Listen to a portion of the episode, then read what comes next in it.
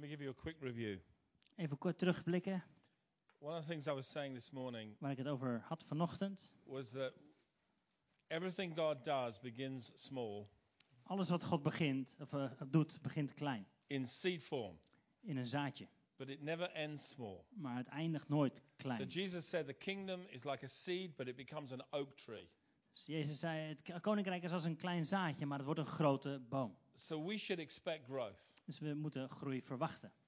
As we grow, what we need to focus on is maintaining health. En als we groeien, moeten we focussen op gezondheid. So we have to begin by taking responsibility for our own lives. En dat begint met het verantwoordelijkheid nemen voor onze levens. And in the light of our past experience, In het licht van onze eh, verleden. what's the wise thing to do? Eh, wat is slim om te doen? In the light of our current circumstance, En in het licht van onze huidige what's the wise omstandigheden. thing to Wat do? is wijs om te doen? In the light of our future hopes and En als dreams, we vooruitkijken naar onze hoop en what's toekomst. the wise thing Wat to is het do? wijze om te doen?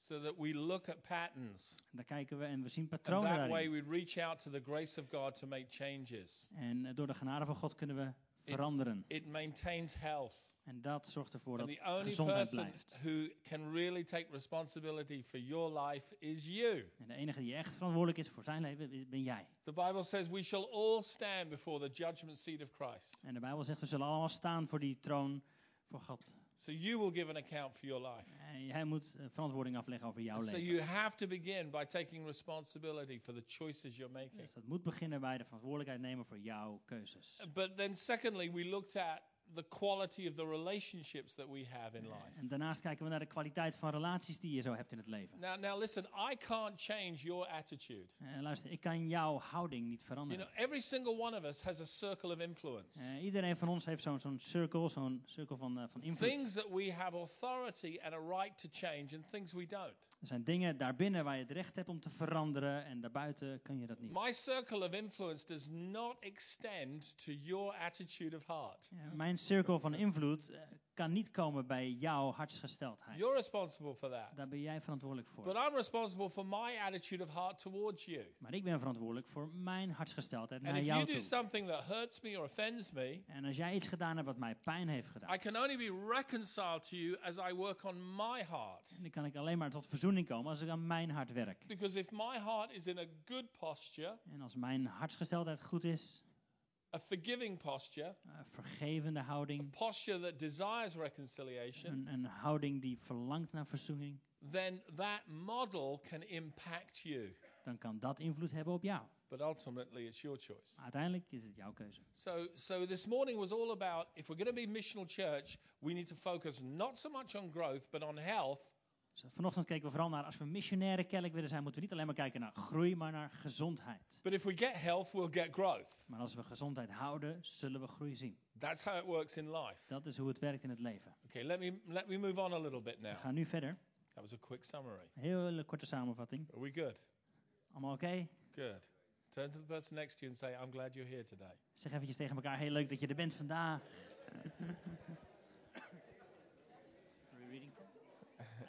Oh, I'm just trying to see. Yeah, Acts 2:46. Handelingen 2. It says, So 46. continuing daily with one accord in the temple and breaking bread from house to house, they ate their food with gladness and simplicity of heart. En voortdurend waren ze elke dag eendrachtig in de tempel bijeen. Ze braken het brood aan huis en ze gebruikten hun maaltijden met blijdschap en eenvoud des harten. That they met in the temple. Ze kwamen bij elkaar in de tempel. How many of you know that in the temple you could hold thousands?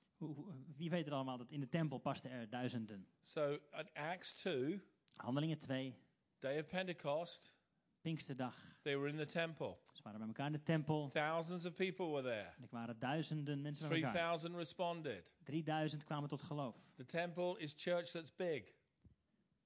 De tempel is een grote kerk. But then they met from house to house. Eh, maar ze kwamen ook bij elkaar van huis tot huis. Big church, Grote kerk, small church. kleine kerk. Not either or, Niet of of, and and both. zowel dat als dat. We need big church, we need small Een church. grote kerk nodig, we hebben kleine kerk The nodig. 120 De 120 became the model that the 3000 had to learn. De 120 waren het model waarvan die 3000 konden leren. Their model of community life together Het model van hun gemeenschap samen zijn. was what the rest had to learn. Dat was wat de rest moest leren. You see, the thing about small church that's good Het goede aan kleine kerk is that you can create culture. is dat je daar een cultuur kunt creëren. So in our church, one of our most important values is a culture of honor. Dus in, in onze kerk is een van de meest belangrijke waarden een cultuur van We, eren. we honor God. We eren God. He is number one. Hij is nummer één. The Bible says in 1 Samuel 3, 1 God's. God's criticism of Eli and his sons was, You honor your sons more than me. In 1 Samuel eh, vertelt God tegen, tegen eh, Eli dat hij meer zijn zonen eerde dan God eerde. So in, in life, putting God first is ultimately an issue of honor. Dus God op de eerste plek zetten heeft alles te maken met eren. If you have an idol in your life, Als je een eh, afgod in je leven hebt, you are dishonoring God. dan onteer je daarmee He's God. not first. Hij is niet op de eerste plek. so in our church, we've created a culture of honor. Let's put God first. Dus in onze kerk proberen we die cultuur te maken. We zetten God op de eerste Let's, plek. let's be intentional that God is first. Zijn we heel intentioneel. By the way, the issue of tithing and giving En daarnaast het hele ge- gebeuren van over tiende en is geven. ultimately an issue of honor, not an issue of money. Nou, uiteindelijk heeft het alles te maken met eren, niet zoveel met geld. In Proverbs chapter 3, In Spreuken hoofdstuk 3. Honor the Lord with the first fruits of all your increase. Eer de Heere God met de eerstelingen van al je inkomsten. If God doesn't get it first, he's not being honored. Dus als God niet als eerste krijgt, dan eer je hem daarmee niet. That's why for me, all giving is before tax, not after En tax. daarom is voor mij al het geven voor de belasting en niet na de belasting. People sometimes ask me, should I tithe? I want to tithe. Should I do it before tax or after tax? En mensen vragen wel eens aan mij, van, "Joh, ik wil wel tiende geven, maar doe ik dat voor of na dat ik belasting heb And betaald? so I ask them a question. Dus dan stel ik hun een Well, vraag. do you want God to be number one or Caesar to be number one? Eh, wil je God op de eerste plek of Caesar op de eerste plek? If you give after tax, you just put the government first. Dus als je je belasting op nummer 1 zet, dan zet je daarmee eh, taxes, eh, belasting op nummer 1. You understand? Snap je dat? There's no amens on this subject, is there? Geen amen op dit onderwerp. maar but it's an issue of honor. het heeft alles te maken met eren. And honor always requires faith. En eren heeft alles weer te maken met geloof. If I'm going to honor you, I have to have faith in order to do that. En als ik jou wil oren, eren, dan, moet ik daar geloof voor hebben. Honor is all about the value you place on something. En eren heeft alles te maken met de waarde die je aan iemand geeft. When you feel valued, you feel honored. Als jij je waardevol voelt, dan voel je je geëerd. If somebody speaks to you in a way that devalues you, you are being dishonored. En als iemand op een onwaardige manier tegen jou praat, dan word je daarmee onteerd. All the commandments, the Ten Commandments, are essentially about honor. Al de, al de geboden, de tien geboden, gaan uiteindelijk allemaal over eren. If I blaspheme and take the name of the Lord in vain, I'm dishonoring his name. Als ik Gods naam op een niet juiste manier gebruik, dan onteer ik hem daarmee. If I don't keep the Sabbath, Als ik de Sabbat niet hou, I'm dishonoring a day God created for me. dan onteer ik daarmee een dag die God voor mij gemaakt heeft. He didn't create me for the Sabbath, He created the Sabbath for me. Hij heeft mij niet gemaakt voor die Sabbat, maar hij heeft die Sabbat wel voor mij Let me gemaakt. just say a little bit about that. Een klein beetje daarover. God did not give you a day of rest God heeft je geen dag van rust gegeven to help you cope with exhaustion. om, om, om je te laten herstellen alleen maar van uitputting. God did not rest on the seventh day because he was exhausted. God rustte niet op de zevende dag omdat hij uitgeput was.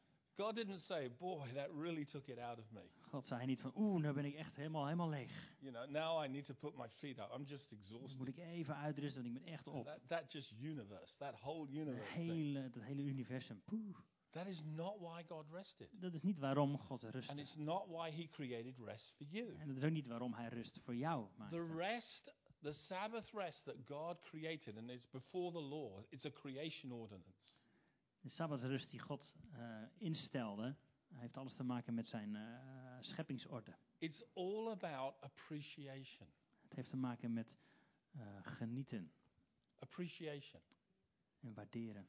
In other words, when God created everything, Met andere woorden, toen God alles gemaakt had, he said, let's take a day to stand back, look at this, and enjoy it. toen nam hij als het ware een stapje terug en zei, Laten we ernaar kijken en het waarderen en ervan genieten. Do you know the word appreciation in the English literally means to increase in value? In het Engels, to appreciate, waarderen, betekent letterlijk eh, waarde laten vermeerderen. To increase in value. Waarde laten We vermeerderen. talk about that with, with, with items. En dan hebben we het met, over spullen. We talk about how a house over time will appreciate in value. Al Een huis bijvoorbeeld zal in waarde vermeerderen over tijd. So when I say things to you that show appreciation for who you are, I'm actually giving and increasing your sense of value. Dus als ik dingen tegen jou zeg uit, vanuit waardering, dan zal uiteindelijk daarmee jou, jou meer eh, waardevol laten voelen. Sabbath is like that. De Sabbat is ook zoiets. So Adam's created on the sixth day. Adam, gemaakt op de zesde dag. So the first day he experiences is not a day of work, it's a day of appreciation. Dus de eerste dag die Adam eigenlijk meemaakt, is een dag van waarderen, genieten. Can you imagine him waking up and saying, Okay, God, what do you want me to do? Stel je voor dat hij wakker wordt de volgende dag en vraagt, oké God, wat wilt u dat ik doe? And God says, Nothing, just look at that. En God zegt tegen hem, niks, kijk, kijk gewoon om je heen. Let's take a walk together. Zo samen een keer wandelen. Let's just appreciate it. Laten we gewoon genieten. It's like Adam walks along and he says, Wow, En Adam loopt mee, wauw, wow. wauw. You know, there should be a wow in your life. Er zou eigenlijk een wauw in jouw leven moeten And if zijn. you never take time to have a regular break, you'll never have a wow. En als je nooit de tijd neemt om even tot rust te komen, zul je nooit die wauw in je leven hebben. My wife is a painter, she's an artist. Mijn vrouw is, die schildert, ze is artiest. She will work and work and work, Ze zal werken en werken. and then she'll stop and say it's finished. En dan zal ze stoppen en zeggen, klaar. And then she'll look at it. En dan kijkt ze naar She'll just look at it and appreciate it. en ze zal het gewoon waarderen And terwijl then ze she'll kijkt. say to me, What do you think? En dan vraagt ze mij, wat, wat vind jij? And most of the time, my response is, Wow, En meestal is mijn antwoord dan, wauw, that's amazing. dat is schitterend. God doesn't rest because he's exhausted, and neither should you. God rust niet uit omdat hij vermoeid is. En So dat zou I have a moeten doen. Sabbath, I have a day of rest that I build into my life Dus op mijn Sabbat heb ik een dag van rust die ik in mijn leven inbouw. In order to appreci- appreciate all that God is and all that he's done Om for te me. kunnen genieten en waarderen alles wat God gedaan heeft en, en nog steeds doet voor mij. And it's such a it's such a better way of doing life Het is gewoon een betere manier van leven doen. that you build appreciation into it. It's all about honor. Gewoon waarderen dat wat God doet. Dus het gaat allemaal So over Ten eren. Commandments. De tien geboden. Four about how we honor God. Vier daarvan gaan over hoe eren we God. Six are about how we honor one another. En zes daarvan gaan over hoe eren wij elkaar. Because if I'm really honoring you, Dus als ik, want als ik jou echt eer, I won't steal from you. dan zal ik niet van je stelen. I won't cheat on you and take your wife. Dan zal ik niet eh, achter je rug om foute dingen doen. I won't lie about you and bear false testimony En dan ga ik niet over je, over je liegen. because I value you. Want ik waardeer jou. I'm honoring you. Ik eer jou. The root of any commandment is deeply ingrained in honor. Eh, elke, elk gebod heeft uiteindelijk zijn wortels in eren. And so we've created a culture in our church of honor. Honoring God Dus in onze kerk hebben we een cultuur van eren. We eren God with our worship, met onze aanbidding, with our time, met onze tijd, with our money. met ons geld. We honor God. Daar eren we God mee. We put Him first intentionally. We zetten Hem intentioneel, expres op de eerste plaats. And honor requires faith. En eren heeft alles te maken met geloof. People say to me all the time Mensen zeggen continu tegen me, if I give 10% to God, how can I live off 90? eh, als ik nou 10% aan God geef, hoe kan ik dan van die 90 rondkomen? I need the 100. Ik heb echt die 100% nodig. And I say to them, that's the faith part. En daar komt dan een stukje geloof bij kijken. That if you have less because you've honored God, you'll have more. Want als je minder hebt omdat je God op de eerste plek hebt gezet, dat je uiteindelijk That's meer zult hebben. part. Dat heeft alles met geloof te maken. God said to Samuel, God zei tegen Samuel, Those who honor me, zij die mij eren, I will honor. die zal ik eren. God said that. dat zei God. But now you have to test it. Maar nou moet je het uitproberen. Oeps, That requires faith. dat heeft geloof nodig.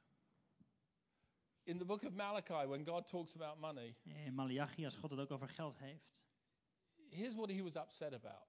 hier was hij boos over. In chapter 1, he talks about it. Hoofdstuk 1 heeft hij het over. You bring offerings that are blind and lame. Jullie brengen eh, offergaven die lam en blind zijn. In other words, the farmers looked at the animals Met andere woorden, de boeren keken zo naar de dieren. and instead of taking the best, En in plaats van het beste they nemen, took the worst. namen ze het slechtste Oh, dier. that one's missing an eye. We'll take that one. Ah, daar mist een oog, die nemen we dan wel. That one's got a broken leg. We're going to have to kill it anyway. Let's take that Die heeft een gebroken pot, poot, die moet toch dood, laten we die maar meenemen. And God says sarcastically to the nation, En een beetje sarcastisch zegt God tegen dit land. try bringing that animal to your governor and see what he says. Breng, breng voor gein dat, eh, dat beest eens mee naar jouw eh, wetgever. Kijken wat hij ervan vindt. Because they had a governor in Jerusalem at that time who was honored as the governor. Want er was in die tijd toen een soort gouverneur in Jeruzalem die op die manier geëerd And then werd. God asks one question En God stelt ze eigenlijk één vraag. Am I not a great king? Ben ik geen grote koning? See, he's trying to get them to rethink.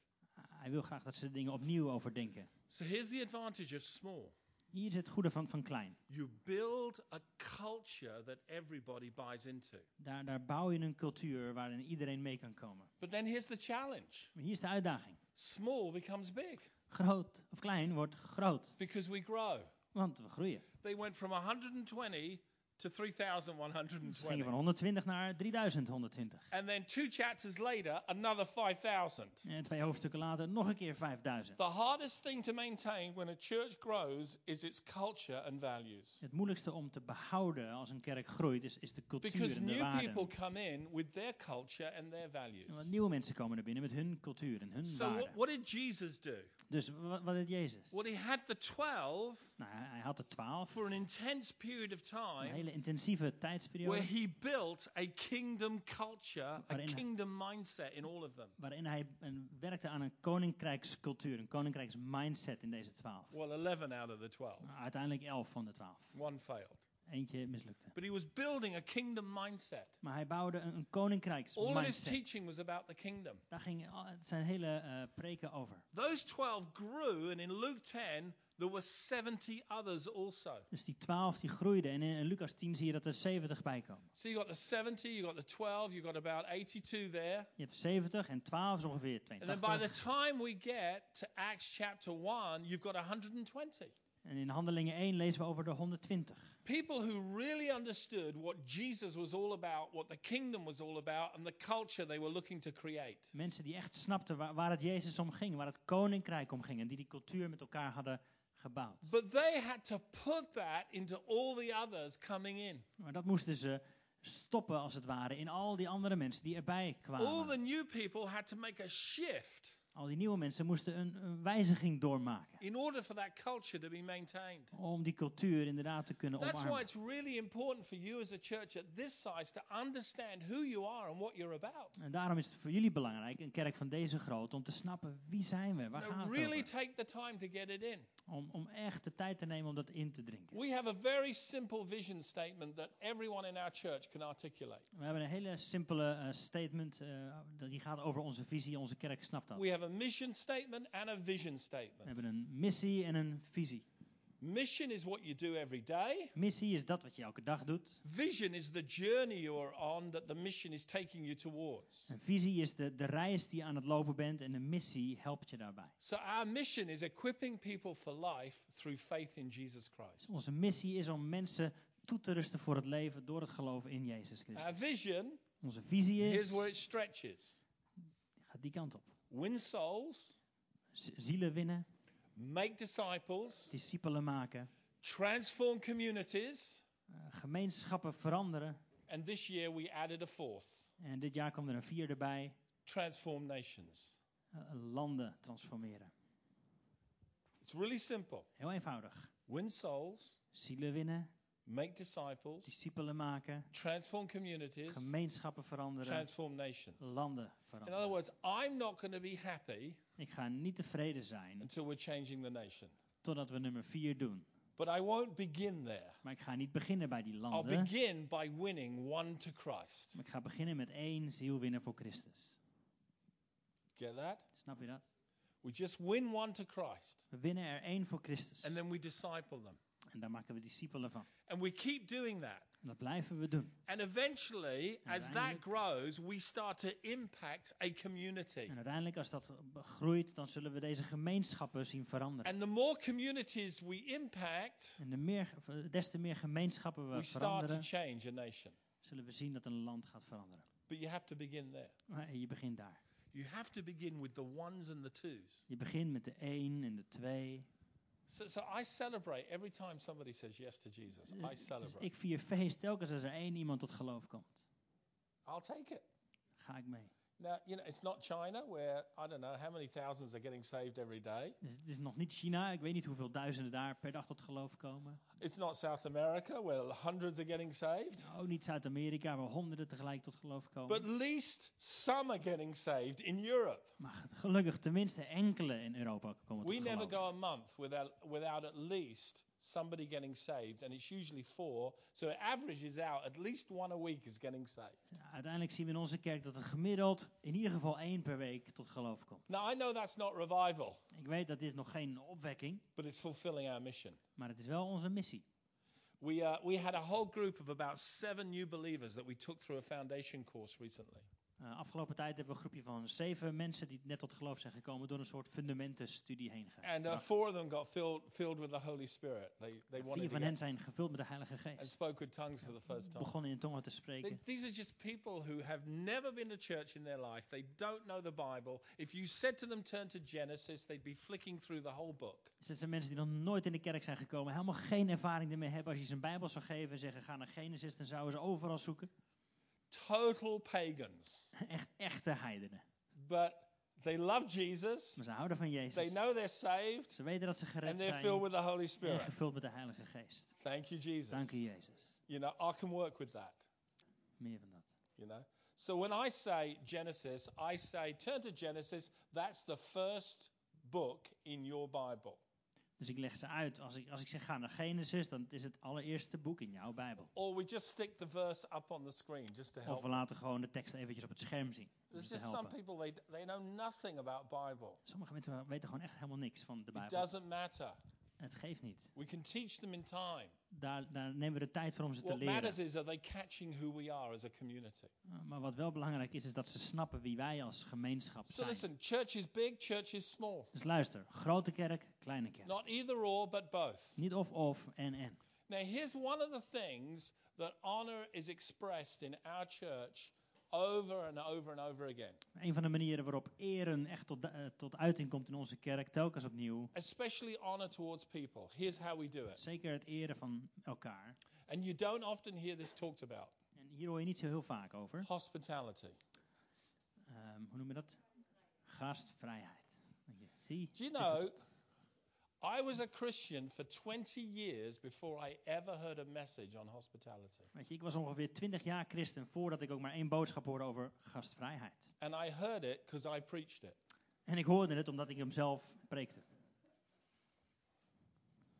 I went through my entire Christian experience for 20 years and I never heard one message on Dus hospitality. 20 jaar ging ik door het christelijk geloof heen zonder te leren over gastvrijheid. Do you know in 1 Timothy 3, you cannot be an elder in a church unless you're given to hospitality? In 1 Timotheus wordt geleerd dat je geen oudste in de kerk kunt zijn zonder dat je goed bent in It's a gastvrijheid. requirement. Dat eh, wordt geëist. It's really practical. Heel praktisch. Now, let me tell you, when, when they say hospitality, it's not like British hospitality. Nou, laat me zeggen, als ze daar hebben over gastvrijheid, dan is het niet een soort Britse You know. British hospitality is come round for a cup of tea and cucumber sandwiches. Dus in, in Engeland is het zoiets als je gastvrijheid wilt geven, dan krijg je een kopje thee en een, This, eh, en een this broodje. is, this is how I grew up. Dit is hoe ik opgegroeid ben. All my friends did hospitality like that. Al mijn vrienden deden op die manier gastvrijheid. But my mother was not British, she was Italian. Maar mijn moeder was niet Brits, zij was Italiaans. So when we did hospitality, it was like a feast. Dus toen wij gastvrijheid deden thuis, was het een feestje. You know,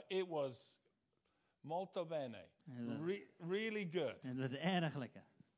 That's how my mother did it. Dat is hoe mijn moeder het deed. You know, it wasn't just, oh, come for a cup of tea. Het was niet van, oh, kom maar voor een kopje thee. Now, in the New Testament, In het Nieuwe Testament hospitality always included somebody staying for a night.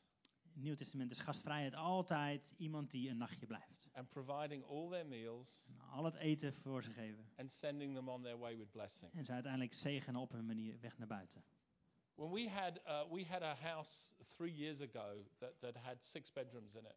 Eh, drie jaar geleden hadden wij een huis met ongeveer zes slaapkamers. My kids came to me at one time, the older children who were living in the house, and they said, "Dad, can we have a break from people staying with us?" En de oudste kinderen die toen bij ons woonden kwamen naar ons toe en vroegen: Kunnen we alsjeblieft even said, stoppen "Sh- met het "Sure." hebben van we, mensen de hele tijd? I said, "Have we had a lot?" Ik zei: Oh, hebben we er dan veel And they gehad? said, "Well, so far this year, this was into October, we've had 40 people stay this year."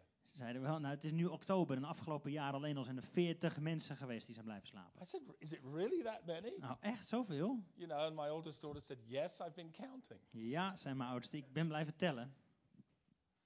And so we had to rein it in a little. Dus dan moest ik een klein stapje terugnemen. Hospitality, Gastvrijheid, an open home. een open huis. When Jesus went to the house of Simon Toen Jezus ging naar het huis van Simon, the Pharisee, de fariseer, he was there having a meal with him. was hij daar aan het eten met hem. The Pharisee opened up his home to Jesus. De fariseer opende zijn huis voor Jezus. A woman came in off the street, Er kwam een vrouw van de straat and while Jesus was reclining at the table, en toen Jezus daar aanlag aan de tafel, began to wash his feet with her tears begon ze zijn voeten te wassen met haar and tranen dry them with her hair. en te drogen met haar haar. And the host was a little shocked. En de gastheer was een klein beetje van slag. And in his heart, he judged Jesus. He said, If this man knew who this woman was, he wouldn't let her do this. En in zijn hart veroordeelde hij Jezus. Nou, als deze man wist wie zij was, dan zou hij dat niet toelaten. And then Jesus told a story En toen vertelde Jezus een verhaal about two people who owed two different amounts of money. over twee mensen die allebei een schuld hadden. One who owed a large amount Eén een hele hoge, heel hoog bedrag and was forgiven, en die werd vergeven. and one who owed a little amount. En één die een klein bedrag schuldig was. And then he asked a question. En toen vroeg hij aan hem, He said, Who do you think will love more? wie denk je dat meer zal liefhebben? And Simon answered, I guess it's the one who's been forgiven the most. En Simon zei, ik denk dat het diegene is die het meeste schuld had. Here's Jesus' response Dit is wat Jezus zei. I came to your house. Ik kwam naar jouw huis. You didn't greet me with a kiss. Je hebt me niet begroet met een kus. You didn't wash my feet. Je hebt mijn voeten niet gewassen. You didn't anoint my head with oil. Je hebt mijn hoofd niet eh gezalfd met olie. Every single one of those things was the standard way you would greet an honored guest in a home in the first century. En dat waren zeker in de eerste eeuw. Dat was de manier waarop je een geëerde gast zou verwelkomen in je huis. In other words, you've done nothing to show honor to me today. Met andere woorden, je hebt niets gedaan om eer aan mij te betonen. But this woman, En deze vrouw, though her sins are many, hoewel haar zonden vele waren, they're all forgiven. zijn allemaal vergeven. It's a beautiful story. Schitterend verhaal. But Jesus comments on his attitude displayed in his lack of hospitality. Maar Jezus heeft het wel over eh, de manier waarop hij hem verwelkomd heeft. Of juist In Romans chapter heeft. 12 and verse 12, Paul says we are to be given to hospitality to the saints. Eh, Paulus die, die moedigt ons ook aan dat we ons moeten geven aan gastvrijheid aan de heiligen. As our church was growing, Eh, terwijl onze kerk aan het groeien was. I wanted to begin uh, an intern program in our church. Uh, it's a full time program for young adults to work for free for the church. Eh, toen onze kerk aan het groeien was, wilde, wilde ik een, so- een soort stageprogramma gaan beginnen in onze kerk. Voor jonge, eh jongvolwassenen die net van school kwamen, om, om ze een jaar onder te brengen en op te leiden in onze kerk. Almost every church I know who runs programs like this charge um, the individual for doing it. You have to pay money to be an intern. En bijna elke andere kerk die het kent, die, die vraagt geld aan degene die stage wil lopen om zo'n soort programma mee te kunnen maken. So you, I could list you half a dozen ministries in America Ik zou, ik zou je zo een stuk of wat eh, ministries in Amerika kunnen where noemen. if you want to be an intern, you have to pay to do it and find your accommodation and save up money. Daar- waar je geld mee zou moeten brengen om dat te mogen gaan doen en moeten betalen voor je eigen huis en eten I enzovoort. didn't want to do that. Maar dat wilde ik niet. I wanted to offer it for free. Ik wilde het gratis aanbieden. But here's the problem. Hier was het probleem. How do you take care of a young adult in their early 20s Hoe zorg je voor iemand, een jongvolwassene, begin twintig, without crippling your budget as a church? zonder je kerkbudget pijn te doen? So I gave a challenge to our church members. Dus ik vroeg zo aan onze kerkleden. I said, Some of you, like me, have houses where your kids have left home and got married, and you've got empty bedrooms. Sommigen van jullie, net als wij, hebben een huis met meer kamers dan je nodig hebt, omdat sommige kinderen al het huis uit zijn gegaan. Some of you have kids who are away at university for 12 weeks at a time. Sommigen van jullie hebben kinderen die, die, die meer dan twaalf weken achtereen naar de universiteit zijn gegaan. Some of you here are wealthy and you just have big homes. En sommigen van jullie hier zijn rijk en je hebt gewoon een groot huis. So here's my question to you. Dus hier is mijn vraag aan jullie. I would like to have some full time interns, and I'd like you to take care of them. Who's willing to do it? Dus ik zou graag een paar van die stagelopers fulltime willen hosten hier. Wie van jullie kan dat doen? So, in our church five years ago, we began with one intern, Dus vijf jaar geleden begonnen we in onze kerk met één zo'n a stageloper. young Italian. Een jonge Italiaan. He moved in with a couple in our church. At that time, he was 65 and she was 63. En, en toen de tijd, een jaar of vijf geleden, waren de mensen bij wie die introk 65 en 63 jaar oud. He worked for us, listen to this, Hij werkte voor ons for six days a week, voor zes dagen in de week. full time. Fulltime. The Bible says, Six days shall you labor. In de Bijbel staat er, zes dagen zult gij arbeiden. We like to talk about the day off, We hebben het graag over die ene dag but vrij. most of us don't want to talk about six days of labor. Maar de meeste van ons willen het liever niet hebben over die zes dagen werk. So I reckon Dus ik denk, most of you have full time jobs that require you to work five days a week. eh, de meeste van jullie zullen misschien fulltime banen hebben waar je vijf dagen in de week werkt. So give a day a week to the church. Eh, Geef een dag aan de week aan de kerk. Did he really say that? Eh, zei hij dat nou echt? Why not? Waarom niet? Most of the volunteers in our church who have full time jobs De meeste vrijwilligers in onze kerk die een fulltime baan hebben, donate 10 to 15 hours a week on a voluntary basis. Most full time people in our church. geven, geven ongeveer 10 tot 15 uur per week weg. Mensen in onze kerk. They volunteer 10 to 15 hours of their time outside of their full time work that they have in a secular job. Dus deze vrijwilligers geven naast hun fulltime seculiere baan 10 tot 15 uur per week in de So, kerk. anyone who's on staff for me, Dus iedereen die, die bij mij that werkt the church employs, en die eh, bij de kerk werkt, I say, here's your working hours, hier zijn je werkuren. and I expect 10 to 15 hours volunteer work because that's what everyone else is doing. En ik verwacht van je dat je 10 tot 15 uur daarbovenop doet, want dat doet de rest van ons ook. And you know, people do it je weet, mensen doen het. because they know that the foundation of why I'm asking is to create a culture of honor, Want ze weten dat, dat waarom ik het vraag is omdat we graag willen dat er een cultuur van ere is. where people do things out of an I want to, not an I have to. Waar- en dat mensen daar doen omdat ze het graag zelf willen, niet omdat ze het moeten. So we had a couple in their 60s who were pioneers. Dus we hadden een, een echtpaar in hun 60 die aan het At pionieren the end of waren. the year, I had a debrief with them. En aan het eind van het jaar ging ik eventjes met ze zitten. And I said, How did you enjoy it? Eh, hoe, hoe vond je het, vroeg ik ze. They said, Well, we loved it, Ah, we vonden het super. but it was sometimes a bit demanding when we wanted to have family. Maar soms was het een beetje veel eisend als we gewoon gezin wilden zijn. So we changed the program slightly. Dus toen hebben we dat omgegooid. Everyone says yes to an intern for three months. Eh, je- Je kunt ja zeggen tegen zo'n stageloper in je huis voor drie maanden. And you can either renew it and have them another three months, Eh, je kunt het daarna of vernieuwen en voor nog een keer drie maanden. or they leave and we have someone else in the church Of ze them. vertrekken hebben en, en dan is er iemand anders in de kerk. Five years later, Vijf jaar later we have six full-time interns in our church. eh, hebben we zes van zulke fulltime stagelopers in kerk. We don't pay them any money. We geven ze geen geld. We promise them one thing. We beloven ze één ding. You'll have a room, a bedroom with a bed to sleep in, Je zult een kamer hebben met een bed erin. and you'll have food in your stomach. En er zal eten in je maag zijn. You have to trust God for everything that you need for this year. En dan moet je God voor de rest voor dit jaar vertrouwen voor de dingen die je nodig hebt. Over the five years, De afgelopen vijf jaar we've had three interns who have actually been able to buy and run a car. Uh, afgelopen paar jaar hadden we drie stagelopers die uiteindelijk zelfs een auto konden kopen. All by faith. Allemaal door geloof. That year is a year where every single one of them finds out the bigness of God. En in, in dat jaar is voor iedereen geldt dat, dat ze uitvinden hoe groot God eigenlijk is. What facilitates that is a family that says, yes, you can use our room for free and we'll give them breakfast for free. En wat daarvoor nodig is, is één gezin die zegt, ja, je mag hier in deze kamer en wij zorgen voor eten. Wouldn't you love to be part of a church like that?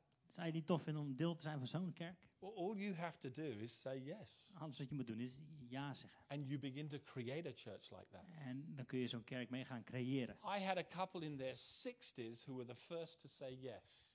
Bij ons was het een echtpaar in hun 60 die de eerste waren die ja zeiden. Now we have about 10 couples in our church Nu hebben we ongeveer tien van zulke echtparen who've all opened up their die homes. allemaal hun huis hebben opengemaakt. Now, sometimes it's challenging. Eh, soms is het wel een uitdaging. How irritating when an intern loses the key that you've given them. Hoe irritant is het als zo'n stageloper de, de sleutel verliest die jij ze gegeven How hebt? irritating is Hoe that? vervelend is dat? How irritating when they come home at night and they're not quiet and your baby wakes up because they climbed the stairs. Hoe irritant is het als jouw kindje wakker wordt omdat zo'n stageloper een beetje luidruchtig de trap op komt staan? I'm not saying this is challenge free. Ik zeg niet dat er geen uitdagingen bij zitten. I'm not saying this is easy. Ik zeg niet dat het makkelijk is. But I'm saying it's a great way of creating culture and advancing the kingdom. Ik zeg wel dat het een fantastische manier is om een cultuur te creëren en het koninkrijk te bouwen. Everybody grows. Iedereen groeit. Everyone grows in patience. Iedereen groeit in geduld. Everyone grows in faith. Iedereen groeit in geloof. And you mobilize people to do the work of the Lord. En je mobiliseert mensen om het werk voor God te doen. Isn't that exciting? Dat is geweldig. We have some guys in our church. I told you I drove an R8. So we got some wealthy people in our church. Ik zei al dat ik een Audi R8 mocht eh, rijden. Dus we, we hebben best wat rijke mensen in onze kerk. I was talking to one guy. He's got a house that's worth 3 million. Eh, ik had het met één man erover. Die heeft een huis van ongeveer 3 miljoen pond. 3 million pounds. Ongeveer 4,5 If I was to knock on the door of all of his neighbors, I'd recognize every single phrase from television. Sorry again. If I was to knock on the door of all the neighbors in his area, I would recognize all their faces from TV. Dus als ik bij zijn buren allemaal zou aankloppen, zou ik ze stuk voor stuk herkennen van televisie. So he's got a wealthy home Hij in a wealthy area. huis in een mooie, dure buurt. I said to him, What are you going to do with all that wealth? Dus ik vroeg aan hem, wat, wat ga je doen met al dat eh, geld?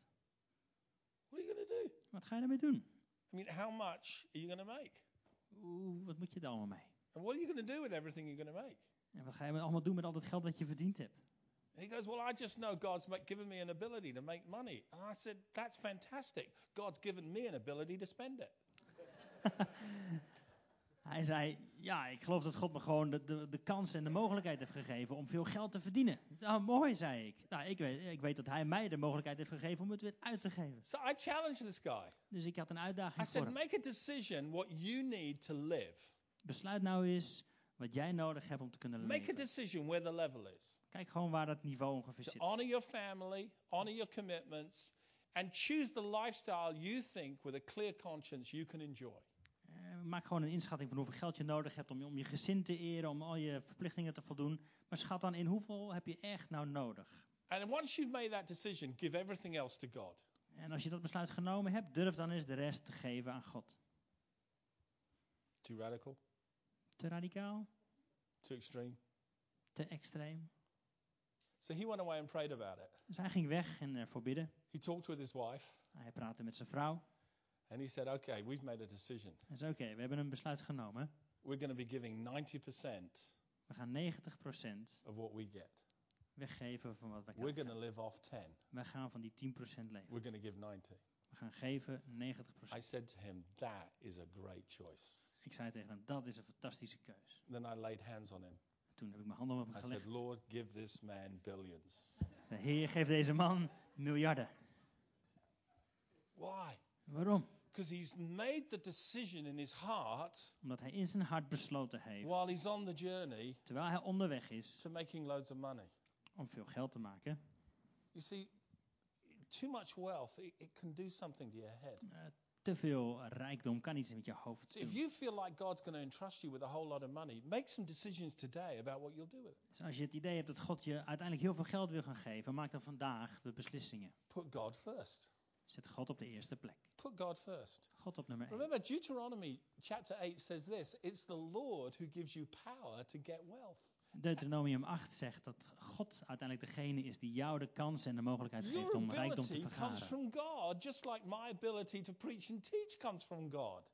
Dus jouw, jouw vaardigheden om geld te maken komen van God. Net zoals mijn vaardigheid om, om te spreken en om te onderwijzen. It's a gift from heaven. Het is een gave van de hemel. I have to steward my gift and you have to steward yours. Ik moet goed omgaan met mijn gaven. Jij moet goed omgaan met jouw gaven. Do you get that? Snap je dat? Now, hospitality requires generosity. Gastvrijheid eh, vereist eh, gulheid. a generosity of spirit. Gul zijn van geest. When I, when I first started leading this church I'm leading today, En toen ik weer begon met het leiden van de kerk die ik nu leid. I, I, I watched the way that we used to do hosting at the end of a service, hospitality. Toen keek ik naar hoe wij gastvrijheid deden aan het eind van een dienst. I looked at the cups, Ik keek naar de kopjes. I tried the coffee, Ik eh, proefde de koffie. I looked at the biscuits. En ik keek naar de cookies. I hated everything. Ik haatte het. I just hated it. Niet goed. And not only that, we were charging people 10p in order to buy it. En uiteindelijk, we vroegen zelfs mensen nog ook om een klein beetje geld om het te kunnen kopen. And I, I just, I remember going to the trustees. I said, I want to change the way we do hospitality in this church. Ik ging naar onze bestuurder en ik zei van joh, ik wil dat we onze gastvrijheid op de kop I zetten. said, I want the best quality coffee we can possibly get. Ik wil de beste koffiekwaliteit die we maar kunnen krijgen. The best. De beste. I want decent coffee cups that don't collapse in your hand when you hold them. En ik wil goede koffiekopjes die niet in elkaar schrompelen in je hand. And I want the best quality biscuits we can possibly get. En ik wil de lekkerste koekjes die we maar kunnen krijgen. And I want it all to be for free En ik every wil het week. allemaal gratis geven. At that time, Toen, the church I took over had a 30,000 pound debt. toen de tijd dat die kerk 30.000 pond schuld, toen ik het overnam. And, and the trustees I was working with at that time, they said to me, "Well, the priority is paying the debt. And I said, yes, it is. En Het bestuur waar ik toen mee werkte, die zei ja, maar onze prioriteit is onze schuld afbetalen. Ja, That is a priority. Dat is inderdaad prioriteit. But another priority is honoring God and honoring the people and giving them great hospitality. Ja, Maar een andere prioriteit is God eren en de mensen eren met goede gastvrijheid. So we created a budget every week. Dus we maakten daar een budget voor elke week. And at that time, it was radical. En toen de tijd was het echt radicaal. We were spending 100 pounds a week on hospitality. We gaven ongeveer 100 pond per week weg aan gastvrijheid. People used to come and they used to drink our coffee and they go, and they would, they would go, wow, that is good coffee. Dus mensen kwamen langs en ze namen wat koffie. Ze dachten, wauw, dit is gewoon goede koffie. People commented on it. Mensen gaven gewoon feedback say, erover. these biscuits are great. Deze koekjes zijn echt lekker. And then after a few months, instead of having biscuits, we had fresh fruit all cut up, beautifully prepared on plates. En na een paar maanden hadden we niet alleen maar koekjes, hadden we ook gewoon heel lekker Then we mooi had fresh made fruit. cakes. En heerlijke cakejes. People came along week after week. En mensen kwamen langs week na week. And not only did we spend time preaching and teaching and worshiping, but we spent an equal amount of time fellowshipping and connecting and enjoying one Niet another. alleen waren, gaven we tijd aan, aan onderwijs en spreken en ta- samen aanbidden, maar net zoveel tijd besteden we aan het samen zijn. I loved walking into this church this morning and seeing you all drinking coffee. Ik vond het heerlijk om hier vanochtend binnen te komen lopen en jullie allemaal gezellig koffie te zien drinken. I love the name of your church. Ik hou van de naam van jullie kerk. I love it Ik hou ervan. because that's what it's all about. Want daar gaat het uiteindelijk om. It's all about connection. Het gaat allemaal om verbonden How zijn. we connect with God Hoe we verbonden zijn and met then God. how that transforms the way we connect with one another. En hoe dat ons transformeert in de manier waarop wij samen And omgaan. hospitality is a great way to do it. Ja, gastvrijheid is ongelooflijk belangrijk daarin. So I want to encourage you Dus ik zou je willen aanmoedigen. open your home Open je huis. as often as you feel you can. Zo vaak als je denkt dat je kunt. I started to say to people in our church Ik zei tegen mensen in onze kerk. when you cook a meal on Sunday and you leave it in the oven and come to church, Als je zondagochtend nou alvast wat eten klaarmaakt en het in de oven zet. if there's two of you, En je gaat daarna naar de kerk en je bent met z'n cook for tweetjes. four Waarom maak je dan geen maaltijd voor vier? and invite two people back. En nodig is gewoon twee mensen uit uit de kerk. And if nobody comes back, you can put the rest in the fridge and eat it the next day. En als er nou echt niemand mee wil naar je huis, dan heb je in ieder geval nog genoeg voor morgen. If there's four of you, cook for six. En als er vier van jullie zijn, maak If dan voor there's zes six of you, personen. cook for eight. En als er zes zijn, maak dan voor acht. We have a guy in our church We hebben iemand in onze kerk, every week, elke week, without fail, zonder they ophouden, invite four people back to their home. vragen ze altijd vier mensen terug There's naar him and huis. his wife and three kids. Dus hij en zijn vrouw en drie kinderen, Every single week, elke week they don't cook for five. koken ze niet voor vijf, They cook for nine or ten. dan koken ze voor negen of And tien when, mensen. when they're at church and there's somebody new at church, En als ze dan in de kerk komen en ze zien iemand die nieuw they is, say, What are you doing for lunch? hey, wat doe je voor lunch, vragen ze say, dan. I don't know. Oh, dat weet ik nog niet. Would you like to come back to our place? Vind je het leuk om met ons mee te And the komen? wife is not freaking out En de vrouw die wordt er niet gek van, because they've already planned to cook more. want ze hebben al gepland om meer te koken. It's not rocket science. Het is niet heel moeilijk of zo. What would happen if we started doing simple things like Wat that? zou er gebeuren als we zulke simpele dingetjes als dat gaan doen? We actually planned our generosity. We hebben eigenlijk een plan gemaakt voor onze gulheid. if every week sounds stressful to you, do it once a month. En als elke week een beetje te stressvol is, doe, doe het één keer per maand. Do it twice a year, Eh, twee keer per jaar. and you'll be doing better than you are now. En misschien doe je het dan wel beter dan dat je nu doet. I'm saying begin somewhere. Eh, Ik zeg alleen maar begin ergens. Don't let wh- what they're doing overwhelm you. Kijk niet daarna en zeg, oh, dat is te veel. Go on a journey. Maak een reis naartoe. We have six full-time interns, but we began with one. We hebben nu zes fulltime stagelopers, maar we begonnen met And eentje. the second year, we only had one. En het tweede jaar hadden we er ook maar And then eentje. the third year, we had three. Het derde jaar hadden we er drie. And then we went to five. En toen vijf, And then we went to eight. It was toen crazy. acht. Dat is helemaal gek. But every year, we get a whole lot done Maar elk jaar werd er heel veel werk verzet because of hospitality. door die gastvrijheid. The word hospitality Het woord gastvrijheid, comes from hospitality, two Greek words komt van twee Griekse woorden. xeno, Zero which means a foreigner or a stranger, betekent een, een buitenlander of een vreemdeling. and filio, En filio, which is friendship, love. dat heeft het over vriendschap en liefde. So, you know, in English we have the word xenophobia, a fear of strangers, a fear of We kennen het foreigners. woord xenofoob, eh, bang zijn voor vreemdelingen.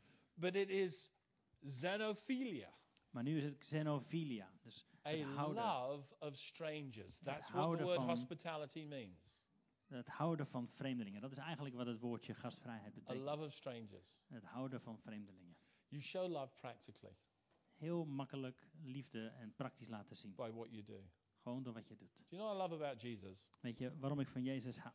He always welcomed people into his world. Hij verwelkomde mensen altijd in zijn wereld. In John chapter 1, Johannes 1, you have John the Baptist zie je Johannes de Doper. who stands one day Die staat daar op een dag. And he says, Behold the Lamb of God who takes away the sin of the world. Zie daar het lam van de wereld dat de zonde, eh, het lam van God dat de zonde der wereld wegneemt. Two of his disciples hear him say that. En twee van de discipelen van Johannes, die horen And dat. the next day, Jesus is walking along and he does it again. En de volgende dag gebeurt het opnieuw als Jezus langs Behold, look, the Lamb of God. Kijk daar, het lam van God. So these two disciples of John start following Jesus. Dus deze twee discipelen van Johannes, die beginnen Jezus te volgen. They are the two original stalkers of the New Testament. De twee eerste stalkers van het Nieuwe Testament. So they follow Jesus from a distance. Dus ze volgen Jezus vanaf een afstandje. And Jesus turns around and he says, What do you seek? What do you want? Jezus draait zich om en die kijkt naar ze en zegt, wat, wat, wat zoek je, wat wil je? Now, if you had two men following you Ah, wat zou er gebeuren als jij twee mannen achter je aan hebt and you turn around and said, What do you want? En jij verkeert je om en ze zeggen, And then je they vraagt said je? this next statement to you, it would freak you out. En ze, ze zouden het volgende zeggen, je zou ervan schrikken. Because they said to Jesus, Where are you staying? Want ze vroegen aan Jezus, eh, waar woon je?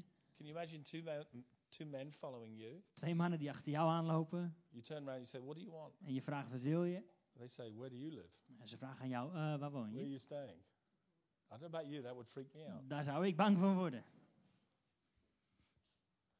You know what Jesus said? Weet je wat Jezus zei? Come and see. Kom en zie. Come and see. Kom en zie. Do you know that our God is an inviting God? Weet je dat onze God een, een uitnodigende God is? He is full of invitation. Vol van uitnodigingen. In Isaiah chapter 1, In Jezaja hoofdstuk 1.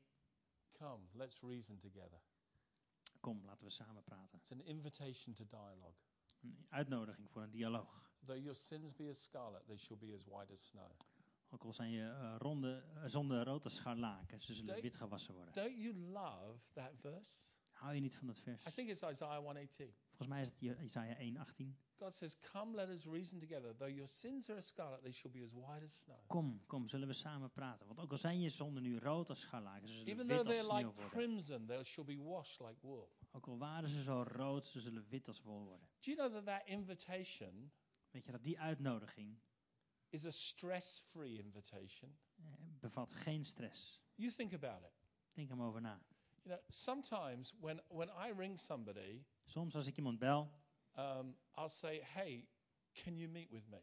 En ik vraag ze, hey, kunnen we even Now, when a senior pastor of a church rings a church member and says, I want to meet with you, that is an anxiety producing moment. Nou, wat er vaak gebeurt als een voorganger van een kerk iemand belt om te vragen, hey, kunnen we even afspreken? Dan geeft dat wat stress. When you were at school and somebody said to you, the head teacher would like to see you, is that not an anxiety producing moment? Weet je nog, toen je op school zat en, en iemand zei tegen je, hey, de hoofdmeester wil je zien? Weet je daar niet bang van? What does he want to see me for? What have I done Eh, wrong? wa- waarom, waarom, wat heb ik fout gedaan? You know, when you're pulled over by a police car, don't you feel guilty immediately?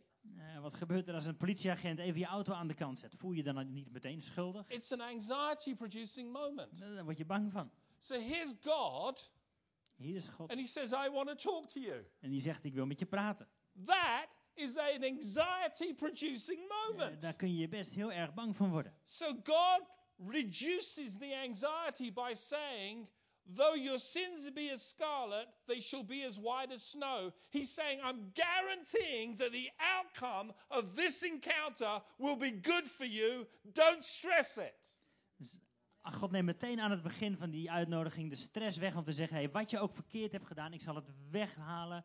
De- En de uitkomst van, deze, eh, van dit samen zijn is positief, is goed. So I've learned this over the years. Eh, dit heb ik geleerd over de So when. I ring people and say I want to see them, I always say why.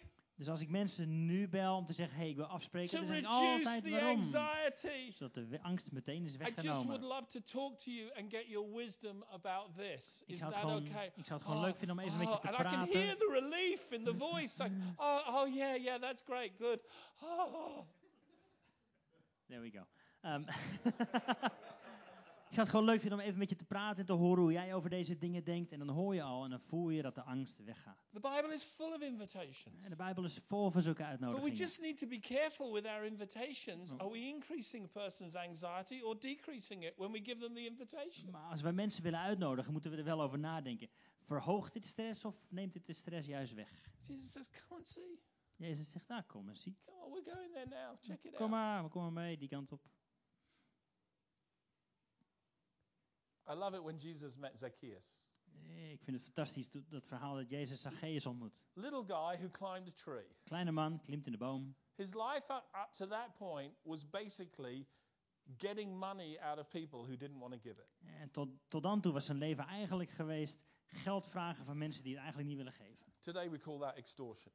Dat noemen we nu onderdrukking. Of uit, noem je dat? That was Zacchaeus. Afpersing. Dat Dat- was Zacchaeus. That was Zacchaeus. Dat is Zacchaeus. Here's Jesus. Hier komt Jezus. Today I need to come to your house. Nou, Vandaag moet ik bij jou thuis komen. He invited himself. Hij nodigt zichzelf uit. Don't you love that? Vind je die mooi? He invited himself. Hij nodigt gewoon zichzelf uit. He saw a response. Hij zag, hij zag, een, een, eh, He saw his openness of heart. hij zag de openheid van zijn hart. And he basically said, You're going to give me hospitality today. En hij zag, jij gaat mij gastvrijheid geven deze dag. Now, when Jesus announced, I'm going to your house, that automatically meant a meal and staying over. En toen Jezus zichzelf uitnodigde bij zijn geest, betekende dat onder andere meteen een maaltijd en een nachtje blijven. In the home of a tax collector. En dat dan in het, in het huis van een, van You know, in eh, a place he shouldn't really be. van die belastinginspecteur, noem je dat? Een tollenaar. Een plek waar je eigenlijk niet gezien wilt worden. The outcome is Eh, De uitkomst, very practical. heel praktisch. We don't have Luke's record that says, Oh, Jesus, I believe in you. We hebben, nu- het staat niet in Lucas geschreven dat Zacchaeus zegt, oh Jezus, nu geloof ik in u. We have this Hier, maar dit staat er wel. half my goods I give to the poor. De helft van wat ik heb, geef ik aan de And armen. if I have defrauded anybody, and he would have defrauded many, En als ik mensen tekort heb gedaan, te veel geld heb gevraagd, en dat zullen er veel geweest zijn, I'll restore fourfold. Dan zal ik het allemaal teruggeven. Here's Jesus' comment on that statement. Dit is wat Jezus daarop antwoordt. Today, Vandaag salvation is redding has come to this house. gekomen in dit huis. For truly, Want waarlijk, this is a son of Abraham. dit is een zoon van Abraham. Everything about his life up to that moment Maar alles in zijn leven tot dat moment was a contradiction to the call of Israel. Eh, was juist het tegenovergestelde van de roep van Israël. But one encounter with Maar Jesus één ontmoeting met Jezus, in the context of hospitality in de context van die gastvrijheid, changed his life, veranderde zijn leven, changed his direction. veranderde zijn richting. Jesus said, This is salvation En working. Jezus zei, dit is redding. Isn't that beautiful? Is niet schitterend? Isn't that wonderful? I wonder how many people's lives will be changed vraag me af hoeveel levens er veranderd kunnen worden by two things door twee dingetjes. us opening up our homes Ons, onze huis laten openen. and, this, and us daring to go to their homes. En ons met genoeg lef om naar hun huis te gaan. I wonder how many lives could be changed. Hoeveel levens kunnen er wel niet veranderd worden? I wonder how much salvation could be worked. Hoeveel redding zou er komen? Hospitality. Gastvrijheid. I commend it to you. Ik beveel het je aan. In 1 Timothy chapter 5, 1 Timotheus hoofdstuk 5. Paul says if you're going to support a widow financially, Dan zegt Paulus, als je een, een weduwe financieel ondersteunt, here's the criteria. hier, dit zijn de criteria. Has she washed feet? Heeft ze voeten gewassen? Has she lodged strangers? Heeft ze mensen ondergebracht? It's all practical stuff. Heel praktisch. Has she ministered to the necessity of the saints? Heeft ze omge- omgezien naar de, de noden van de heiligen? Paul says that kind of person is worth putting on the payroll. En zo, zo iemand, zegt Paulus, die kun je gerust onderhouden. It just gets really practical, doesn't Het wordt daar gewoon heel praktisch gemaakt. Come on, friends. Kom vrienden, Let's build a great church laten we een geweldige kerk bouwen. through hospitality. Door gastvrijheid. Let, let, let, let's invest a little bit where we, we just give people a great experience in church. Laten we een klein beetje investeren, zodat mensen een geweldige ervaring in een kerk krijgen. We've had people visit our church. We hebben mensen gehad die bij onze kerk langskwamen. I think you do it here as well, don't you? A box of chocolates. Hier doen we dat ook, een, een doosje chocolaatjes. Just giving them a box of chocolates. Gewoon wat chocola geven bij de eerste keer. We had a pastor from Switzerland visiting our church. We hadden een eh, voorganger vanuit Zwitserland die naar onze kerk kwam. And as a first time visitor, he got the box of chocolates. En omdat hij inderdaad voor de eerste keer kwam, kreeg hij ook He zo'n went doosje home to chocola. his church in Lucerne. Hij ging terug naar Zwitserland, Lausanne, He naar zijn spoke to the pastor. He said, I just went to a church En hij ging daar naar de voorganger en zei, ik ben net naar as de a kerk geweest visitor, waar ik voor het eerst kwam. they told me not to put any money in the offering, En ze zeiden tegen me dat ik niks mocht geven in de collecte. and they gave me a box of En ze chocolates. gaven mij wat chocola. He said, I've never experienced anything like it. Dat heb ik nog nooit meegemaakt. He said, I'd like to do it in church this Sunday. Dat zou ik hier ook willen doen deze zondag. So they went out, Dus ze gingen and you eruit. know the Swiss have great chocolate. En je weet dat ze in Zwitserland erg goede chocola hebben. So he bought some great chocolate. Dus ze kochten de beste chocola. They had their service. Ze hadden hun dienst. He did exactly the same thing we do every week. Ze deden precies hetzelfde wat wij elke week doen. If you're a first time visitor here, Als je hier voor de eerste keer bent, please don't give in the offering. It's on the geef house. niks, geef niks in de collecte. Het is And by the way, if you put up your hands, we'd like to give you a box of chocolates. En als je ons even laat weten dat je hier voor de eerste keer bent, geven we There jou was a man in church that Sunday was die zondag een, een- iemand in de hadn't kerk been to church for 20 years. die, die al twintig jaar niet in de kerk geweest was. He and his wife were in a church and they got really badly wounded. En die zaten voorheen in een andere kerk waar ze echt pijn en verdriet hebben And they ervaren. hadn't been to church for 20 years, but he decided that day, I'm going. En twintig jaar waren ze niet in de kerk geweest, maar die dag hadden ze to gezegd, Well, we gaan naar go de to kerk. church, you'll never get me to church again. Maar zijn vrouw had gezegd, nou jij kan er wel gaan, maar ik ga nooit meer. So he came home from church that day Dus hij kwam thuis die dag vanuit de kerk. and she said, So, how was church in her very cynical En tone? ze vroeg een beetje cynisch van, nou hoe was het in die kerk? He said, It was great. Hij zei, het was fantastisch. She said, Yeah, I bet they asked you for money. Ja, ja, ze zullen je wel weer om geld gevraagd hebben. zei He said, No, they zei, told me not to give. Ik mocht niet eens wat geven in de- bij de collecte. She said, What? Ze zei, wat? You went to a church that told you not to give? Je bent naar de kerk geweest waar je niks mocht geven? He said, Yeah. And Ja. then they gave me a box of chocolates. En, en toen gaven ze me zelfs nog chocola. She said, What? Wat? She said, They didn't ask you for anything, but they gave you Dus something. die kerk heeft je niks gevraagd, maar alleen maar wat gegeven? She said, I want to see that church. Nou, dat wil ik ook wel eens zien. So she came the following Dus de volgende week ging ze ook She mee. experienced exactly the same En ze thing. maakte precies hetzelfde mee. Got her box of Swiss Kreeg chocolates. een lekker doosje Zwitserse chocola. If you're a first time visitor, you don't have to give. The Als je hier voor de eerste the keer bent, people in our geef church. niks. Alleen voor de mensen die hier eh, altijd komen, die mogen wat She geven. sat there and she wept. En ze zat daar en ze begon te huilen. And God healed her heart. En God begon haar te And genezen. now they're in that church. En nu zijn ze deel van die kerk. Hospitality. Gastvrijheid. People said to me, Do you know how much money we give away every week? Boxes of chocolates? I mean, they're just a little box, but you Mensen, know. mensen vragen wel eens mij, weet je hoeveel, hoeveel geld we elke week uitgeven aan die chocolaatjes en die dingen? Our budget now is close to 500 pounds a week on hospitality. En ons budget nu is ongeveer 500 pond per week aan gastvrijheid. Some people say to me, That's too much. Nou, dus sommige mensen vinden het echt te veel. I said, Well, how much is too much? Nou, hoeveel is te veel, vraag ik dan. Who, dr- who drew that line? Waar is die lijn getrokken? Who's that person? Wie, wie, wie I'd love dat? to meet them. Laat maar zien. How much is too much? Hoeveel is te veel? See, a woman came to Jesus in John 12 Er kwam een vrouw naar Jezus in Johannes 12. and broke an alabaster box of ointment on the feet of Jesus. Begon een, een doosje open te, of, eh, de, de kruik open te maken met daarin olie, zalfolie. And its value was one year's wage. En het was waard ongeveer een jaar werken. Hello? Hallo. And all the disciples who'd been with Jesus for three years said, That's too much. En alle discipelen die al drie jaar met Jezus waren opgetrokken zeiden, ah, het is te veel. That's a waste. Dat is echt zonde. And they got all religious. En ze werden allemaal religieus. Oh, we, we could have spent that money on the poor. We hadden dat geld uit kunnen geven aan de armen. It sounds so good, doesn't it? Klinkt heel goed, toch? Just sounds good, doesn't it? Klinkt heel mooi. It's too much. is te veel. You know what Jesus said? Weet je wat Jezus zei? Leave her alone. Laat haar alleen. Leave her alone. Laat haar alleen. In his mind, it wasn't too much. Voor Jezus was het niet te veel. How much is Jesus worth to you? Hoeveel is Jezus jou waard? Well, let me make it real practical. Ja, laten we het heel praktisch maken.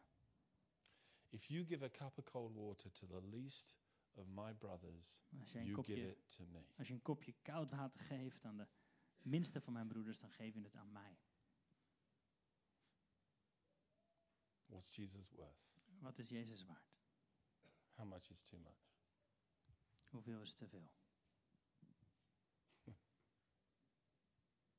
See, God has called us God heeft ons geroepen to something different. voor iets anders. To live in a way Om op zo'n manier te leven, that's very different to the way people live out totaal there, anders is dan wat mensen gewend zijn daarbuiten. but is something that they're all longing for. Maar het is iets waar iedereen wel naar verlangt. And if we only have publican love, En als we alleen maar gebruikelijke liefde hebben, and our love is not sacrificial, en onze liefde, die, dat kost ons niks meer. we'll be no different to an ordinary club just down the road. En dan zijn, verschillen we niks van een normale club daar ergens buiten. Our love has to be radical love, Onze liefde mag radicale liefde zijn. extravagant love, Extravagante liefde. generous love, Overvloedig. freely done, Vrijheid. not because we have to, Niet, niet omdat het moet, but because we choose to. maar omdat we daarvoor kiezen. Amen. Amen. Stand to your feet. I'm going to pray for Wil you. je gaan staan?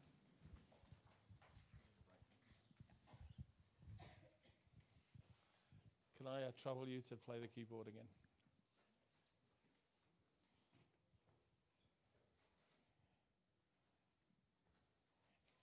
Now, with all these messages, Sorry?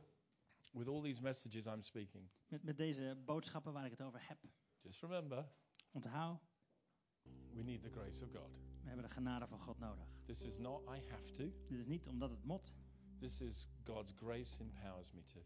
Het is omdat Gods genade mij de kracht geeft om. But it begins in your heart with desire. Het begint in jouw hart met een verlangen. Lord, I want to be a generous person. Heer, ik wil vrijgevig zijn. Lord, I want to be in a position where I can open my home. Heer, ik wil in zo'n positie zijn waarin ik mijn huis kan openen. Lord, I want to be able to invite people back for a meal. Heer, ik wil mensen uitnodigen na afloop. It begins with desire. Het begint met een verlangen.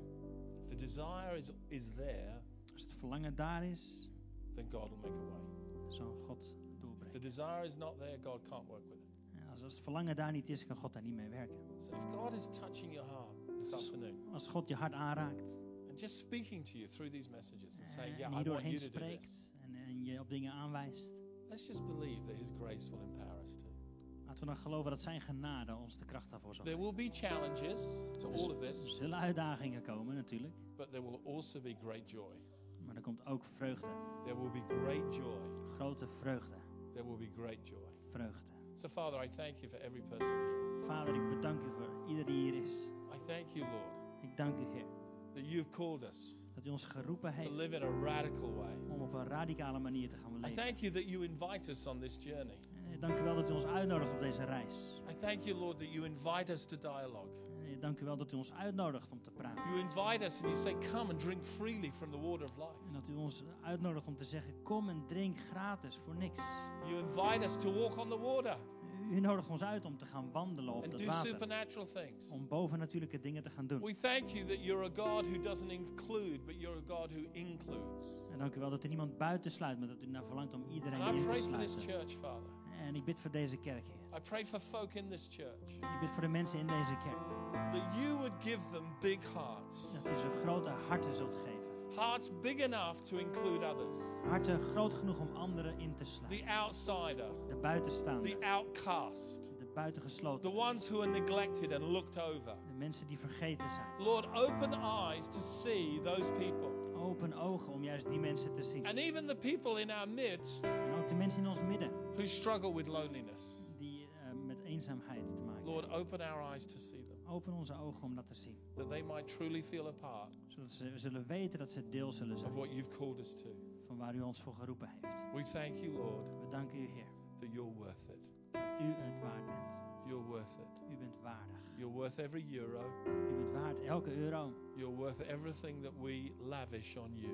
U bent waard alles wat we aan u geven. And when we when we lavish it on your people, we're blessing you, Lord. En als we het ook aan, aan elkaar uitgeven, dan zegenen we u daarmee. And I pray that there is a grace in this church En ik bid dat er een genade is in deze kerk to dare to step into om, om uit te gaan stappen. all that you've called them to. Alles waar u ons voor geroepen heeft. Lord, let it come. Heer, laat het, laat het komen, Heer. Let it come, I pray. Laat het komen, Heer. I bless you, God. I bless this company of people. Zegenen deze plaats. I thank you, Lord. Dank u, Heer. If you wouldn't mind just closing your eyes for a moment, En misschien wil je voor een moment even je ogen sluiten. I'm, I'm just going to ask some of you to respond. En ik ga sommigen van jullie vragen om, om You know, te if, if, antwoorden. if when I spoke to you about opening your home, maybe for an intern in the future, Eh, ik had het net over om, om misschien je huis te openen voor wellicht een, een stage lopen. Als dat jouw hart aanraakt. Just while eyes are closed, I want you to put your hand up to heaven. En terwijl onze ogen zo gesloten zijn, wil ik aan jou vragen om je, je Just say, hand Lord, I'm op te saying heffen. today, ik zeg, Heer, vandaag, here I am. hier ben ik. Just like Abraham, Net zoals Abraham. when he met Melchizedek, Toen hij Melchizedek ontmoette, he lifted his hands to heaven hij hief zijn handen naar, naar boven. and he blessed God. En hij zegende de Heer. There's anointing here. Er is een, een, een If you're salving hier. prepared to respond, Als je wilt reageren, just lift it up to heaven. Say, Lord. je handen opheffen. And Lord, you see those hands. Heer, u ziet die handen. You see those hearts. U ziet die harten. You see the desire of those people. U ziet het verlangen van deze mensen. Let it become reality. Laat het realiteit In worden. process of time, Over tijd. give them all that they need. Geef ze wat ze nodig hebben. Set it up, Lord. Heer, u het. Whatever is currently lacking today, Wat er ook ontbreekt, put it into place. laat het daar zijn, Heer Jezus. Let it be there. Laat het daar zijn. Let it be there. Laat het er Now, maybe you currently have a home that's not big enough, En misschien heb je op dit moment een huis dat niet groot genoeg is. but you'd love a bigger home to do this. Maar je zou een groter huis willen hebben hiervoor. You lift your hand to heaven. Hef je handen omhoog. Father, you see those hands. Heer, u ziet deze handen. You see those hearts. U ziet die harten. You see that desire to U ziet serve het verlangen om u te, da- daarmee te dienen. I pray En ik bid, Heer, that over the next year or two, dat over de komende there's jaar going of to be a release of resource, dat, er, dat, eh, a release of blessing, dat wat nodig is aan that there's going to be an expansion een uitbreiding zal of zijn housing van huizen, and rooms grote and blessing. And in Jesus' name, I release that over this church. I thank you, God, that you see today Dank u, Heer, dat u vandaag ziet the cry of the heart and the desire of the heart. het roepen en het verlangen van het hart. And I command blessing and resource to come. Increase Toename, that your kingdom might increase. zodat uw koninkrijk zal That your kingdom might come and your will might be done here on earth. as it is in koninkrijk zal komen hier op aarde. We bless you, Lord. We zegenen u. We worship you. We aanbidden u, We thank you. We danken u, Heer. Amen. Amen. Amen. Amen. Amen. Bless you, friends. Thank you. Amen. Thank you. Yes. Mooi. Amen. Als het goed is, is er inderdaad weer gezorgd voor gastvrijheid hierachter. En als je daar je kopje koffie pakt, geef eh, Patrice en de rest van het team even een dikke knuffel en dankjewel en zo. Ze geven ook hun tijd daarvoor. Geniet ervan. Rond drie uur, vijf over drie, beginnen we hier met de laatste dienst. Yes?